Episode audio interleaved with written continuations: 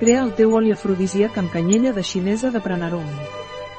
Consells per crear el teu oli afrodisíac amb CANYLLDX i NPRNROM, barreja oli essencial quimiotipat de canyella 0,2 ml, amb oli essencial quimiotipat de pal de rosa 2 ml, oli essencial quimiotipat de Landilan 1 ml en 100 ml d'oli vegetal d'avellana. Aplica 8 gotes d'aquesta barreja a la part baixa de l'esquena dues vegades al dia durant dues setmanes. Un article de Catalina Vidal Ramírez, farmacèutica, gerent de Biofarmacos. La informació presentada en aquest article no substitueix de cap manera l'assessorament d'un metge, qualsevol menció en aquest article d'un producte no representa el suport dels objectius de desenvolupament sostenible a aquest producte.